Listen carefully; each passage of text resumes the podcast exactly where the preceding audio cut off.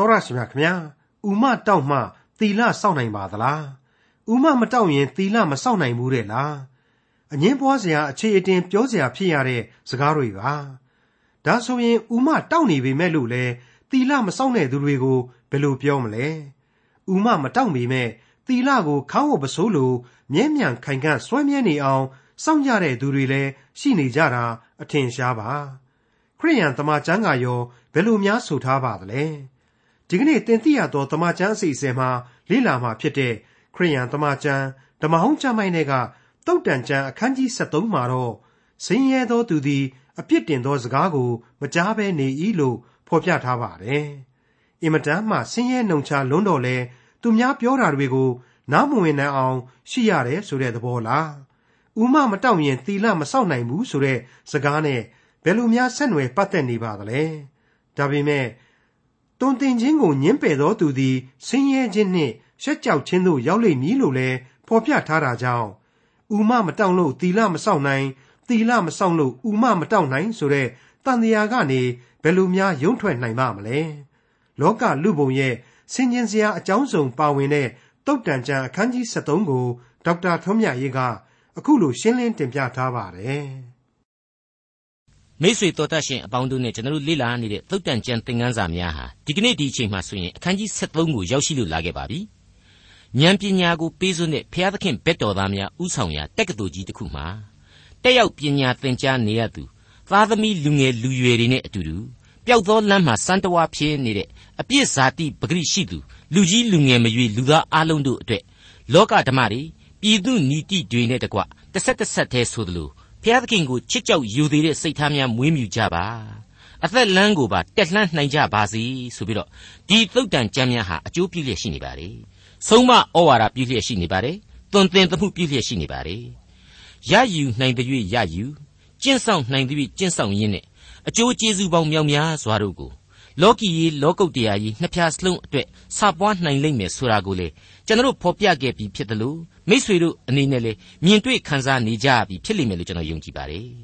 ပြီးခဲ့တဲ့အခန်းကြီး7မှာတော့ဆိုရင်အထက်ထက်အကြော့ကြော့ဆိုသလိုပြန်ပြီးကြားရတဲ့ဖြောင့်မတ်ခြင်းပါရမီရှိသူနဲ့မတရားသောဉာဏ်မရှိသူတို့ရဲ့အကြောင်းဉာဏ်မဲ့သူတို့ရဲ့အကြောင်းတွေကိုနှိုင်းရှင်သရုပ်ဖော်ခြင်း parallelism နဲ့ရသမြောက်စွာဖော်ပြပေးခဲ့တယ်ဆိုတာကိုကျွန်တော်တင်ပြခဲ့ပါတယ်အဆုံးသတ်ဏီကုန်းမှာကျတော့ဖြောင့်မတ်ခြင်းတရားလမ်း၌သေဘေးမရှိ အသက်ချမ်းသာလမ်းဖြစ်၏ဆိုပြီးတော့ပြောင်မြောက်စွာကျွန်တော်တို့ကြားနာခဲ့ရတယ်ဆိုတာကိုမိษွေတို့သိခဲ့ရပြီးပါပြီတကယ်တော့လောကလူပုံမှာသေဘေးမရှိတဲ့အသက်ချမ်းသာလမ်းဆိုတာဘယ်ရှိနိုင်ပါမလဲလူတိုင်းလူတိုင်းဟာတနေ့နေ့တစ်ချိန်ကြီးမှာတော့ဆေးရုံရောက်ရင်ရောက်မရောက်လို့ရှိရင်လေအိမ်မှာခေါ်ပြီးတော့ဆရာဝန်ကြီးတွေသမားတော်ကြီးတွေပင့်ပြီးတော့ကုရင်ကုရမှာပဲတချို့ပိုက်ဆံမရှိတဲ့လူတွေကြပြန်တော့လေအိမ်မှာပဲဓာတ်စာကလေးမှီဝေးရင်းနဲ့အသက်ကုန်ဆုံးသွားရတာကြီးပဲဆိုတာကိုအားလုံးသိနာလေပြီးသားပါ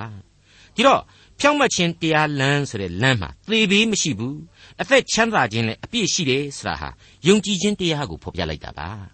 ဘုရားသခင်ပေးတဲ့ထာဝရအသက်ဆုကျေးဇူးကောင်းကင်အမွေကိုဖော်ပြတာပါယုံကြည်ခြင်းအပြင်ဖြောင့်မတ်ရာသို့ရောက်သည်ဆိုတဲ့တရားဟာကဘာဥကလေးကတည်ရှိခဲ့တဲ့တရားဣသရေလလူမျိုးမပေါ်မီအာဗြဟံကစတဲ့လူသမိုင်းဝင်လူသားကြီးတွေနဲ့နှုတ်ကပတ်တော်တလျှောက်လုံးမှာအခောက်ခောက်တွေ့ကြရတဲ့တရားပါပဲ အဲ့ဒီလိုဘုရားသခင်ကိုယုံကြည်ခြင်းရှိဖို့ရန်အတွက်လေဘုရားသခင်ဟာလူစားတိကိုခံယူပြီးတော့ကယ်တင်ရှင်ယေရှုဆိုတဲ့နာမတော်ကိုခံတယ်လူသားအလုံးတို့အတွက်ရစ်ကောင်တကောင်လို့ကားရိုင်တော်ပေါ်မှာအသေးခံပြီးတော့ရှင်ပြန်ထမြောက်တော်မူခြင်းကျေးဇူးအဖြစ်ကယ်တင်ခြင်းတရားကိုပေးသနာခဲ့လေရဲ့ဆိုတဲ့သစ္စာတရားကိုကျွန်တော်ခံယူကြဖို့အထူးပဲအရေးကြီးလာတယ်ဆိုတာကိုကျွန်တော်တွေးမိဖို့လိုအပ်လာပါတယ်ကယ်တင်ခြင်းကျေးဇူးတော်ကိုဖြောက်မှတ်ခြင်းတရားအဖြစ်ရနိုင်တယ် ဖြောက်မှတ်ခြင်းကိုယုံကြည်ခြင်းအဖြစ်ရရှိနိုင်ပါတယ်ဒါဟာပြီးခဲ့တဲ့သင်ခန်းစာနဲ့ပတ်သက်လို့ကျွန်တော်အနေနဲ့ပြန်ပြီးတော့တင်ပြရခြင်းဖြစ်ပါတယ်ဒီကနေ့ကျွန်တော်တို့လေ့လာရမယ့်အခန်းကြီး73ကတရားတော်တို့ဟာလေအသစ်သောအဆုံးအမတွေနဲ့အတူဒီလိုပဲဖြောင့်မတ်ခြင်းတရားနဲ့ဉာဏ်ပညာကိုရယူနိုင်ဖို့ဖျားသခင်ကိုလက်ခံယုံကြည်ပြီးတော့စင်ကျင်တုံတရားများပွားများနိုင်ဖို့ဆိုတာတွေကိုမပြတ်မကွက်ဖော်ပြသွားလိုက်အောင်မယ်လို့ကျွန်တော်တင်ပြခြင်းပါတယ်မိတ်ဆက်ပေးထားခြင်းပါတယ်ဘလောက်အထိတိကျမှန်ကန်မှုရှိတယ်မရှိဘူးဆိုတာကိုတော့ အခုအခန်းကြီး73အငယ်1ကိုနားဆင်ကြည့်ရင်းနဲ့အကဲဖြတ်ကြပြီးတော့လို့ဒီကနေ့သင်ခန်းစာကိုစတင်ခြင်းပါတယ်ပညာရှိသောသားသည်အဖအီသွန်သင်ခြင်းကိုနားထောင်တတ်၏မထီမဲ့မြင်ပြုသောသားမူကားအပြစ်တင်ခြင်းကိုနားမထောင်တတ်မိษွေအပေါင်းတို့ခမညာသွန်သင်ခြင်းမှာအပြစ်တင်ခြင်းပါခြင်းရင်ပါနိုင်ပါလေအခါအားလျော်စွာအပြစ်ပေးဆက်ခြင်းလဲပါခြင်းရင်ပါဝင်ရပါလိမ့်မယ် ဘယ်လိုပဲဖြစ်ဖြစ်ဆုံးမသွန်သင်ခြင်းကိုကျွန်တော်တို့ဟာနာခံကြရမှာကတော့အမှန်ပဲလူလူချင်းပဲကွာဆရာလာလို့ဆရာမလိုပါဘူးဆိုတဲ့မာနဟာလူတွေမှာရှိတတ်ပါလေဒါပေမဲ့ရေပုံရအားဖြင့်တော့ဘုရားသခင်ဟာသူ့ကိုယ်စားမိဘတွေကိုခြားထားပေးတယ်အဖသင်းအုပ်ဆရာကြီးများကိုလည်းတာဝန်ပေးထားတယ်ကျောင်းဆရာဆရာမတွေကိုတာဝန်ပေးထားပါတယ်အဲ့လိုလူကြီးသူမတို့ကနေပြီးတော့နှုတ်ကပတ်တော်နဲ့အညီသွန်သင်ပေးတယ်ဆိုရင်ဒါဟာဘုရားသခင်ကိုစားသွန်သင်ခြင်းပဲပေါ့ဆုံးမခြင်းပဲပေါ့ ခမကြီးတို့ကတစိတ်ရှိဆူနေတာပဲပူနေတာပဲဆိုတာမျိုးမခိုးမခံမလုပ်ရပါဘူးဘုရားသခင်မကြိုက်ဘူးဆိုတာကိုဖော်ပြလိုက်ပါတယ်အခုဒီကျမ်းစာကိုရေးနေတဲ့ရှောလမုန်မင်းကြီးဟာဒါဝိမင်းကြီးရဲ့အားအကိုးရဆုံးသားလို့ကျွန်တော်မထင်ပါဘူးထိတ်တန်းသားတော်တပားလို့ကျွန်တော်မတွေးမိပါဘူးကျွန်တော်မထင်ပါဘူးအဲ့ဒီလိုကျွန်တော်မမြင်နိုင်ပါဘူးဒါပေမဲ့ဒီသားဟာအဖေကိုယို့ကျိုးတဲ့နေရာမှာတော့အတော်ဆုံးပဲလို့ကျွန်တော်ခံယူပါတယ် ဒါကြောင့်လေဒီသားတော်ကြီးရှောလမုန်ဟာတခြားသားတွေနဲ့စရင်ပညာရှိသောလူကြီးတစ်ယောက်ဖြစ်လာခဲ့တယ်ဆိုတာကိုသမိုင်းကသတ်မှတ်ပေးထားတယ်မေ့လို့မရနိုင်တဲ့လူကြီးတစ်ယောက်အဖြစ်သမိုင်းဝင်ခဲ့တာဟာအမှန်ပဲညင်းလို့မရနိုင်ဘူးကမ္ဘာသမိုင်းမှာပညာအရှိဆုံးပုဂ္ဂိုလ်ကြီးအဖြစ်လူသားတိုင်းလက်ခံရတယ်ဆိုတာကိုကျွန်တော်တွေ့နိုင်ပါတယ်တစ်ချိန်တည်းမှာဒီသုတ်တန်ကျမ်းကိုရေးနေတဲ့ဖခင်ရှောလမုန်ရဲ့သားကြပြန်တော့လေအဖေကလက်နဲ့ရေးတာတွေကို तू ကခြေနဲ့ဖြတ်ခဲ့လေရဲ့ ဒီအကြောင်းကိုကျွန်တော်တို့ပြီးခဲ့တဲ့သင်ခန်းစာတွေမှာဖော်ပြခဲ့ပြီးပါပြီဒါတွေကိုကျွန်တော်တို့တွေးဆဆင်ခြင်ရင်းနဲ့အပြစ်မှောင်မိုက်လွှမ်းမိုးရာဘဝအသက်တာဆိုတာဟာလူတိုင်းနဲ့အလွန့်အလွန်ညှိစွန်းလေးရှိတယ်လွယ်လွယ်ကူကူလေးချိတ်မိလေးရှိတယ်လူနဲ့အပြစ်ဟာအင်မတန်ပဲဖက်လှဲတကင်းဖြစ်တတ်တယ်ဆိုတဲ့သစ္စာတရားကိုလူတိုင်းတို့အဖို့သံဝေကရယူစရာကောင်းလှပါတယ်လို့ကျွန်တော်ဒီနေရာမှာပြင်ပြခြင်းပါတယ်သုတ်တန်ကျမ်းအခန်းကြီး73အငယ်1နဲ့3 လူသည်မိမိနှုတ်၏အသီးဒီဟုသော ကောင်းသောအရာကိုစားရ၏ပြစ်မှားတတ်သောသူမူကားညှင်းဆဲခြင်းအပြစ်အသီးကိုစားရ၏မိမိနှုတ်ကိုစောင့်သောသူသည်မိမိအသက်ကိုစောင့်၏မိမိနှုတ်ကိုကြဲကြဲဖွင့်သောသူမူကားပျက်စီးခြင်းသို့ရောက်တတ်၏တကြောပြန်ကြားရတဲ့ဆုံးမစကားလေးပါပဲ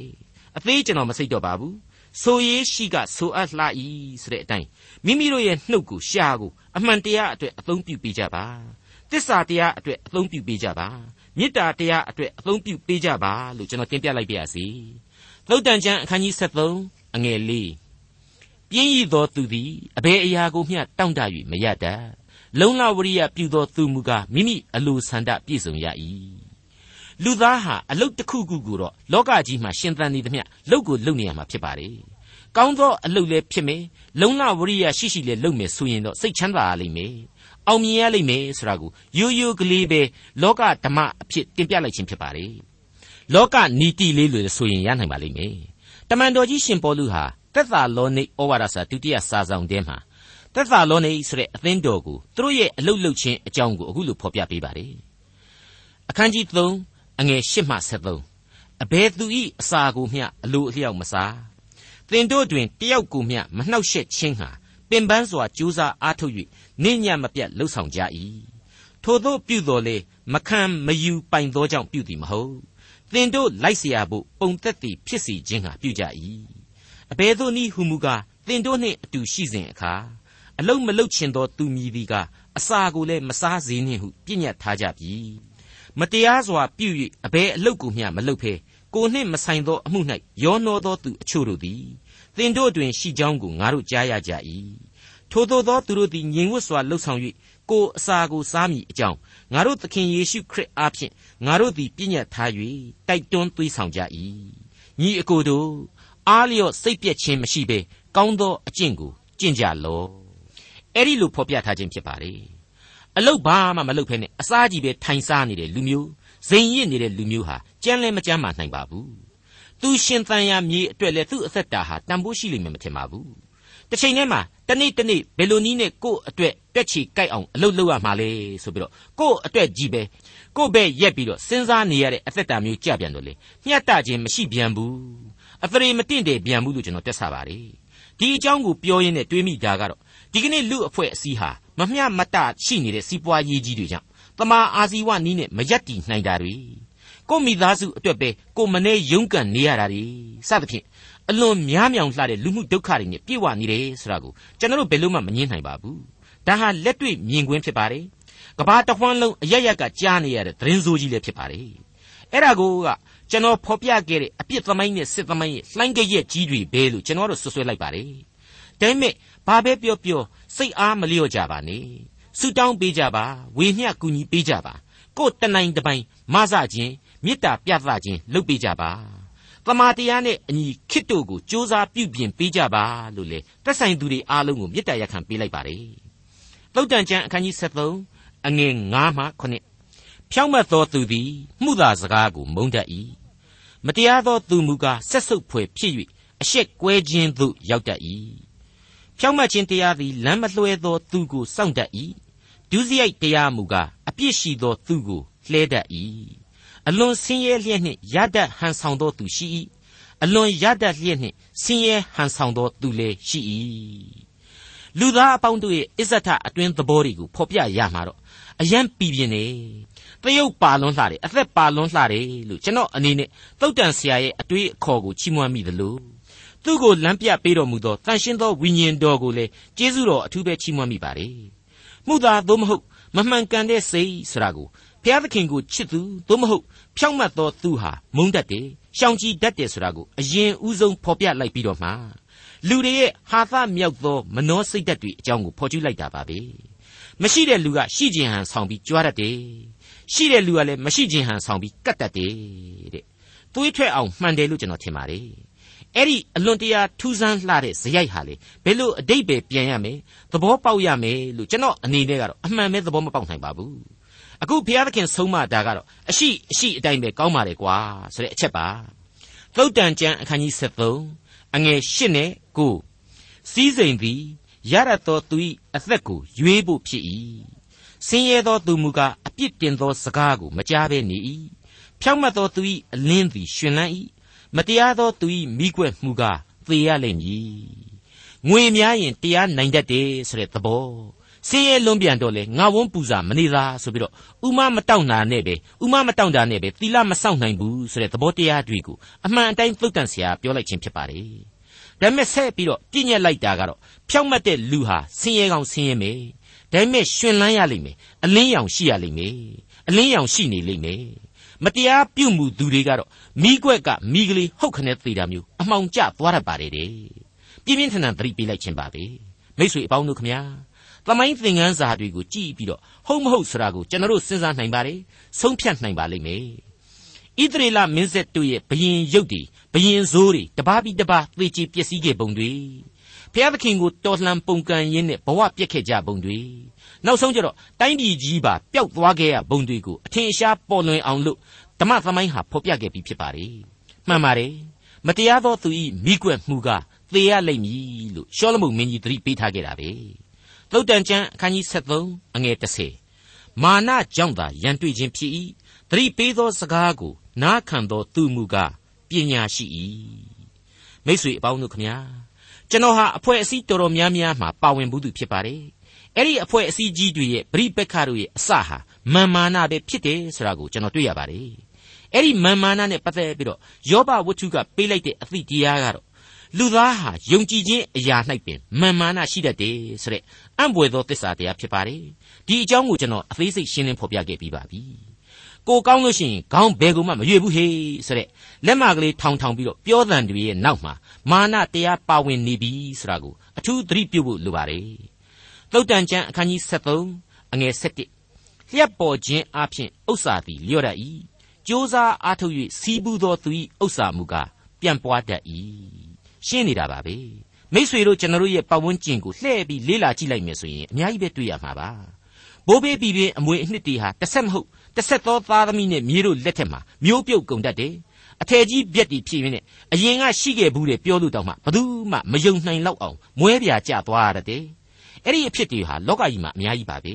ကျွန်တော်တို့ပတ်ဝန်းကျင်မှာလက်ညှိုးထိုးလို့ကိုမလွဲနိုင်ပါဘူးရှိလက်စအဲ့ဒီကောင်းကြီးမင်္ဂလာတွေလောကအရာတွေဟာ ပညာဉာဏ်သတိနဲ့လုံလဝရိယရှိသူတွေရဲ့ခင်မှာတော့ပုံမကြီးပွားချမ်းသာသွားတာများလည်းရှိနိုင်ပါ रे ဘယ်လိုပဲပြောပြောပါလောကပစ္စည်းဥစ္စာတွေဟာသိရင်တော့ဘယ်ကိုမှဘယ်လို့မှယူသွားလို့မရတာဟာအသေးချပါပဲအသုံးချတန်ဖိုးကြီးကြီးနဲ့ကိုနဲ့သက်ဆိုင်တဲ့ခင်မှာထိုက်ထိုက်တန်တန်အသုံးပြုသွားရမှာကတော့ယုံကြည်သူတို့ရဲ့တန်ဖိုးဖြစ်တယ်လို့ကျွန်တော်ပြောချင်ပါတယ်ဥပမာပေးရမယ်ဆိုရင်လူချမ်းသာလူငယ်လေးတယောက်ကိုခရစ်တော်ပြောခဲ့တဲ့စကားတွေအဲ့ဒီလူချမ်းသာလူငယ်ကလေးတယောက်က သူ့ရဲ့စည်းစိမ်ချမ်းသာတွေအပေါ်မှာသာအစွဲအလန်းကြီးပြီးတော့နေတော့ခရစ်တော်ရဲ့ကယ်တင်ခြင်းကျေးဇူးချမ်းသာကိုလောကစည်းစိမ်လောက်တန်ဖိုးမထားနိုင်အောင်ရှိတဲ့ပုံကလေးတွေတနည်းအားဖြင့်တော့လောကစည်းစိမ်တွေအပေါ်မှာအသုံးချတန်ဖိုးကိုနားမလည်နိုင်ခဲ့ပုံကလေးတွေကိုအခုလိုကျွန်တော်တို့တွေ့နိုင်ပါတယ်ရှင်မသက်ခရစ်ဝင်ကျမ်းအခန်းကြီး29အငယ်16မှ22အတွင်မှာဖြစ်ပါတယ်ထို့နောက်လူတစ်ယောက်သည်ချင်းကပ်၍ကောင်းမြတ်သောဆရာ ထာဝရအသက်ကိုရအံ့သောငါအကျွန်ုပ်သည်အဘယ်ကောင်းမှုကိုပြုရပါမည်နည်းဟုမေးလျှောက်သောငါကိုကောင်းမြတ်သည်ဟုအဘယ်ကြောင့်ခေါ်သနည်းဘုရားသခင်တပါးတည်းသာကောင်းမြတ်တော်မူ၏အသက်ရှင်ခြင်းသို့ဝင်စားလိုလျင်ပြည့်ညတ်တော်တို့ကိုစောင့်ရှောက်လော့ဟုမိန့်တော်မူ၏အဘယ်ပြည့်ညတ်တို့ကိုစောင့်ရှောက်ရမည်နည်းဟုလျှောက်ပြန်သောလူအသက်ကိုမတတ်နှင့်သူ့မယားကိုမပြစ်မှားနှင့်သူ့ဥစ္စာကိုမခိုးနှင့်မမှန်သောတက်တွေကိုမခံနှင့်မိဘကိုယူသေးစွာပြုလော့ ကိုနှင့်ဆက်ဆိုင်သောသူကိုလည်းကိုနှင့်အမျှချစ်လော့ဟုမိန့်တော်မူ၏ထိုလူလင်ကလည်းထိုပြည့်ညတ်ရှိသမျှတို့ကိုအကျွန်ုပ်သည်ငယ်သောအရွယ်မှစ၍စောင့်ရှောက်ပါပြီအဘယ်အကျင့်လိုသေးသနည်းဟုလျှောက်ပြန်လေ၏ယေရှုကလည်းသင်သည်စုံလင်ခြင်းသို့ရောက်လိုလျင်သွားလော့ကိုဥစ္စာများကိုရောင်း၍ဆင်းရဲသောသူတို့အားပေးလော့ထိုသောပြုလျင်ကောင်းကင်ဘုံ၌ဗန္တာကိုရလိမ့်မည်တို့ပြီးမှငါနောက်သို့လိုက်လော့ဟုမိန့်တော်မူ၏ ထိုလူလင်သည်များစွာသောဥစ္စာကိုရရသောသူဖြစ်၍ထိုစကားကိုကြားလျင်စိတ်မသာသည်နှင့်သွားလေ၏ယေရှုကလည်းငါအမှန်ဆိုသည်ကငွေရရသောသူသည်ကောင်းကင်နိုင်ငံတော်သို့ဝင်ခဲ့လှ၏တဖန်ငါဆိုသည်ကကလအုပ်သည်အနဖားကိုရှူလေ၏ငွေရရသောသူသည်ဖျားသခင်၏နိုင်ငံတော်သို့ဝင်ခဲ့သည်ဟုတပည့်တော်တို့အားမိန့်တော်မူ၏မိษွေတော်တတ်ရှင်အပေါင်းတို့ခမညာအခုသုတ်တန်ဆရာရဲ့အဆုံးအမတို့ဟာ လောကစည်းစိမ်ချမ်းသာကိုလုံလဝရိယနဲ့ရှာဖွေဖို့တိုက်တွန်းထားပါတယ်ဒါပေမဲ့အဲ့ဒီလောကစည်းစိမ်တွေဟာလောကမှာတင်ပြီးပြတ်တတ်တဲ့အရာလောကုတ္တရာချမ်းသာအတွက်ဒီစည်းစိမ်တွေကိုအသုံးပြုရလိမ့်မယ်ဆိုတာကိုကယ်တင်ရှင်သခင်ခရစ်တော်ရဲ့အဆုံးအမအားဖြင့်ဆက်လက်ခန်းစားရစီတယ်လို့ကျွန်တော်ဆိုချင်ပါတယ်သုတ်တန်ကျမ်းအခန်းကြီး73အငယ်7မျောလင်းသောအရာသည်ဖင့်နှွဲလျင်စိတ်နှလုံးကိုပူပန်စေတတ်၏အလိုပြည့်စုံသောအခါမူကားအသက်ပင်ဖြစ်၏ သိပြီးတော့အတိတ်ပဲလေးနဲ့တဲ့အပိုင်းကလေးပါအသက်လန်းအသက်လန်းလို့ကျွန်တော်ပြောပြောနေတဲ့သာဝရအသက်ဆိုတာဟာလောကုတ္တရာမျောလင့်ချက်ကြီးပဲဆိုပြီးတော့လူအများစုကအထင်မကြီးတတ်ပါဘူးပြီးတော့မြေပေါ်မှာသေပြီးမှဖြစ်မဲ့အရာကိုမြေပေါ်ကအရာတွေတဲ့အရေးကြီးတယ်လို့လည်းမထင်တတ်ကြပါဘူးကျွန်တော်ပြောခဲ့ဘူးတဲ့ကျွန်တော်မိတ်ဆွေတယောက်အကြောင်းကိုလည်းမိတ်ဆွေတို့မှတ်မိကြမယ်ထင်ပါတယ်မင်းဟာသေပြီးမှဖြစ်မဲ့အရာကွာ ဘာအရေးကြီးမှလဲမသေးခင်ငါတို့လောကမှာကောင်းကောင်းနေဖို့ကအရေးကြီးတာဆိုပြီးပြောတာကိုကျွန်တော်ကြားဘူးပါတယ်အဲ့ဒါဟာစာရမဏတ်ကပေးလိုက်တဲ့ဇာတိပဂရိအပြစ်စိတ်ကလာတဲ့ခံယူချက်ပဲဖြစ်ပါတယ်ကျွန်တော်မိษွေတို့အထူးသတိထားရမယ်စိတ်ဓာတ်မျိုးပါအမှန်ကတော့အဲ့ဒီမျောလင့်ခြင်းဆိုတာဟာလောကီအရာတို့တဲ့ဆွဲလန်းပြီးတော့ပူပန်စေရမယ်ပူပန်ခြင်းအပြင်လေအစဉ်သဖြင့်သခင်နှင့်အသက်ရှင်စေရမယ် အစဉ်သဖြင့်သခင်နှင့်အသက်ရှင်ခြင်းအပြင်လေလူအသက်တာအတွင်းမှာပဲကောင်းကင်အမွေအနှစ်ရဲ့ရသကိုခန်းစားပြီးတော့လောကရဲ့အသက်တာကုံဆုံးတာနဲ့တပြိုင်နက်သာဝရအသက်ကိုဏိဒန်းပြုပြီးတော့ခံယူရရှိရမှာဖြစ်ပါတယ်သုတ်တန်ကျမ်းအခန်းကြီး73အငယ်73မှ79နှုတ်ကပတ်တော်ကိုမထီမဲ့မြင်ပြုသောသူသည်ပျက်စီးလိမ့်မည်။ပြည့်ညတ်တရားတော်ကိုခံရသောသူမူကားချမ်းသာရလိမ့်မည်။ ပညာရှိသောသူ၏တရားသည်အသေးခံရာကြော့ကွင်းတို့မှလွှဲရှောင်ရာအသက်ဆန်းရည်တွင်ဖြစ်၏။ကောင်းသောဉာဏ်ရှိသောသူသည်မျက်နှာရတတ်၏။ပြစ်မှားသောသူတို့လမ်းမူကားခက်သောလမ်းဖြစ်၏။သမာဓိရှိသောသူအပေါင်းတို့သည်ပညာအတတ်နှင့်ပြုမှုတတ်ကြ၏။မိုက်သောသူမူကားမိမိမိုက်သောအပြစ်ကိုထင်ရှားစေတတ်၏မတရားသောအစေခံသည်မိမိစောင့်သောအမှုကိုဖျက်တတ်၏သစ္စာရှိသောတန်တမန်မူကား ကျမ်းမာခြင်းအကြောင်းဖြစ်၏မိတ်ဆွေအပေါင်းတို့ခမညာဒီအပိုင်းတစ်ခုလုံးဟာအလွန်အရေးကြီးတဲ့ဝိညာဉ်ရေးသဘောတရားများကိုဖော်ပြနေတယ်လို့ကျွန်တော်ခံယူပါတယ်လူသားတို့မပြက်မကွက်ခံယူတတ်တဲ့အချက်ဟာ၃ချက်ပါဝင်နေတာတွေ့ရပါတယ်၁နှုတ်ကပတ်တော်၂ပြည့်ညတ်တရားတော်၃ဘုရားသခင်ကိုသိကျွမ်းခြင်းဉာဏ်ပညာအဲ့ဒီအချက်၃ချက်တို့ရဲ့အကြောင်းကိုအသေးစိတ်ဖော်ပြထားတဲ့အပိုင်းပါပဲအဲ့ဒီခံယူတိုက်လာသောအချက်၃ချက်တို့အားဖြင့် အကျိုးအမြတ်တွေကိုတော့အောက်ပါအတိုင်းရရှိစေနိုင်တယ်ဆိုတာကိုတွေ့ရပါတယ်၁ချမ်းသာခြင်းအခွင့်၂အသက်ဆန်းရည်ကိုခံယူခွင့်၃ကျေးဇူးတော်၄ကျမ်းမာခြင်းဆိုတဲ့အချက်တွေပဲဖြစ်ပါတယ်ကျမ်းမာခြင်းဆိုတာကချောင်းမဆိုးတာအေးမမိတာကိုကြီးဆိုတာမဟုတ်ပါဘူးနော်အသက်တာ၌လုံခြုံစိတ်ချရခြင်းဖြစ်ပါလေလောကလူဘဝမှာတင်လူတို့ကြံစီ၍မမိနိုင်သောညီသက်ခြင်းနဲ့ ဝမ်းမြောက်ခြင်းစုကျေးဇူးတို့အကြောင်းကိုအသေးစိတ်ဖော်ပြလိုက်ခြင်းလို့ကျွန်တော်ခံယူပါတယ်သုတ်တန်ကျမ်းအခန်းကြီး73အငယ်16မှ22သွန်သင်ခြင်းကိုညင်းပယ်သောသူသည်ဆင်းရဲခြင်းနှင့်ရှက်ကြောက်ခြင်းသို့ရောက်လိမ့်မည်ဆုံးမသောစကားကိုနားထောင်သောသူမူကားဂုံအသရေကိုရလိမ့်မည်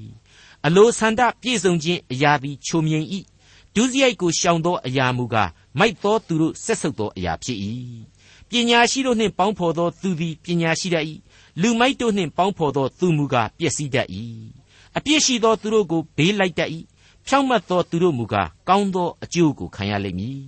သူတော်ကောင်းသည်သားမြေးတို့အဖို့အမွေဥစ္စာကိုခြံထားတတ်၏အပြစ်ရှိသောသူ၏စည်းစိမ်မူကားဖြောင့်မတ်သောသူတို့အဖို့သို့ထားလျက်ရှိ၏ဒီအပိုင်းဟာလေဝိညာဉ်သဘောနဲ့ပဲရှုမြင်သုံးသပ်ရလိမ့်မယ်လို့ကျွန်တော်ဆိုချင်ပါတယ် အခုသုတ်တန်ကျမ်းအခန်းကြီး30ကနေစလာတဲ့ဒီကျမ်းပိုင်းအထိသုတ်တန်ကျမ်းအပေါင်းတို့ဟာအကောင်းနဲ့အဆိုးဖျားသခင်ရဲ့အသက်လမ်းနဲ့စာရမဏတ်ရဲ့အပြစ်လမ်းစသဖြင့်အမှန်နဲ့အမှားတရားတွေကိုနှစ်ပိုင်းခွဲခြားဖော်ပြထားပြီးတဲ့နောက်လူငယ်လူရွယ်ကလေးတို့ဟာဘယ်အရာဟာကောင်းတယ်ဘယ်လမ်းကြောင်းဟာဉာဏ်ပညာရဲ့လမ်းကြောင်းဖြစ်တယ်ဆိုတာကိုသိကြပြီးပြီဒါကြောင့်မလို့ဉာဏ်ပညာကိုပေးသနာတဲ့ဘဝတက်ကသူကိုတက်ရောက်စီးပူးပြီးတော့ ပုံမကျေပြန့်တဲ့ဘုရားသခင်ပေးသောဉာဏ်ပညာများကိုဆက်လက်လေ့လာနေခြင်းပဲလို့ကျွန်တော်မြင်မိပါတယ်အခုဖော်ပြတဲ့အချက်တွေဟာလူငယ်လူရွယ်တို့အတွက်သာမကမကြာခဏလမ်းပြောက်ပြောက်နေတတ်တဲ့ကျွန်တော်လူကြီးတွေအားလုံးအတွက်ပါလျင်လမ်းညွန်ချက်တွေဖြစ်တယ်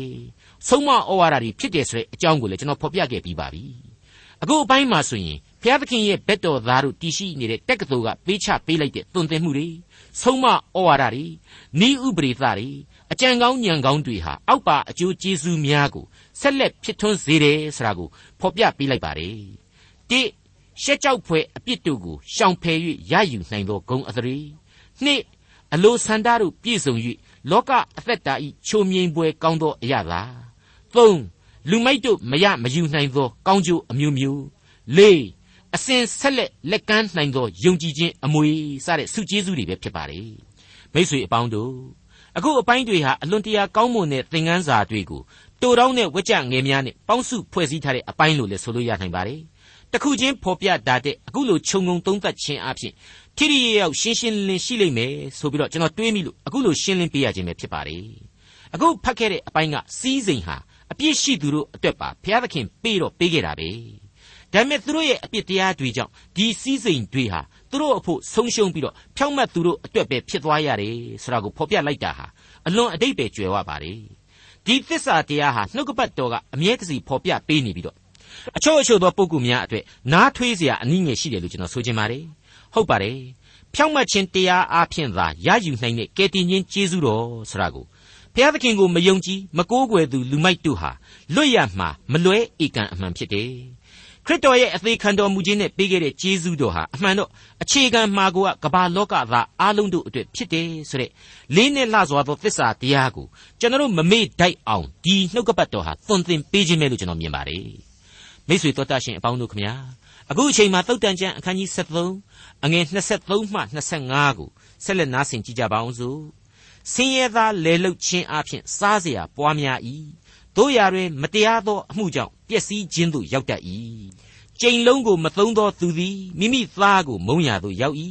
သားကိုချစ်သောသူမူကားငယ်သောအရွယ်မှစ၍ဆုံးမတတ်၏ဖြောင့်မတ်သောသူသည်ဝါစွာစားရသောအခွင့်ရှိ၏မတရားသောသူမူကားမွတ်သိပ်ခြင်းကိုခံရလိမ့်မည်ဒီအပိုင်းဟာတစ်ခုချင်းခွဲဖြာထုတ်ပြီးတော့လိလာတိုက်လာပါတယ်ဆင်းရဲသားလဲလုခြင်းအပြင်စားเสียပွားများ၏ တို့ရတွေမတရားသောအမှုကြောင့်ပျက်စီးခြင်းသို့ရောက်တတ်၏ဆိုတဲ့အချက်တော်တော်ကြီးကိုလက်တွေ့ကြတဲ့အဆုံးအမတစ်ခုလို့ကျွန်တော်ခံယူပါတယ်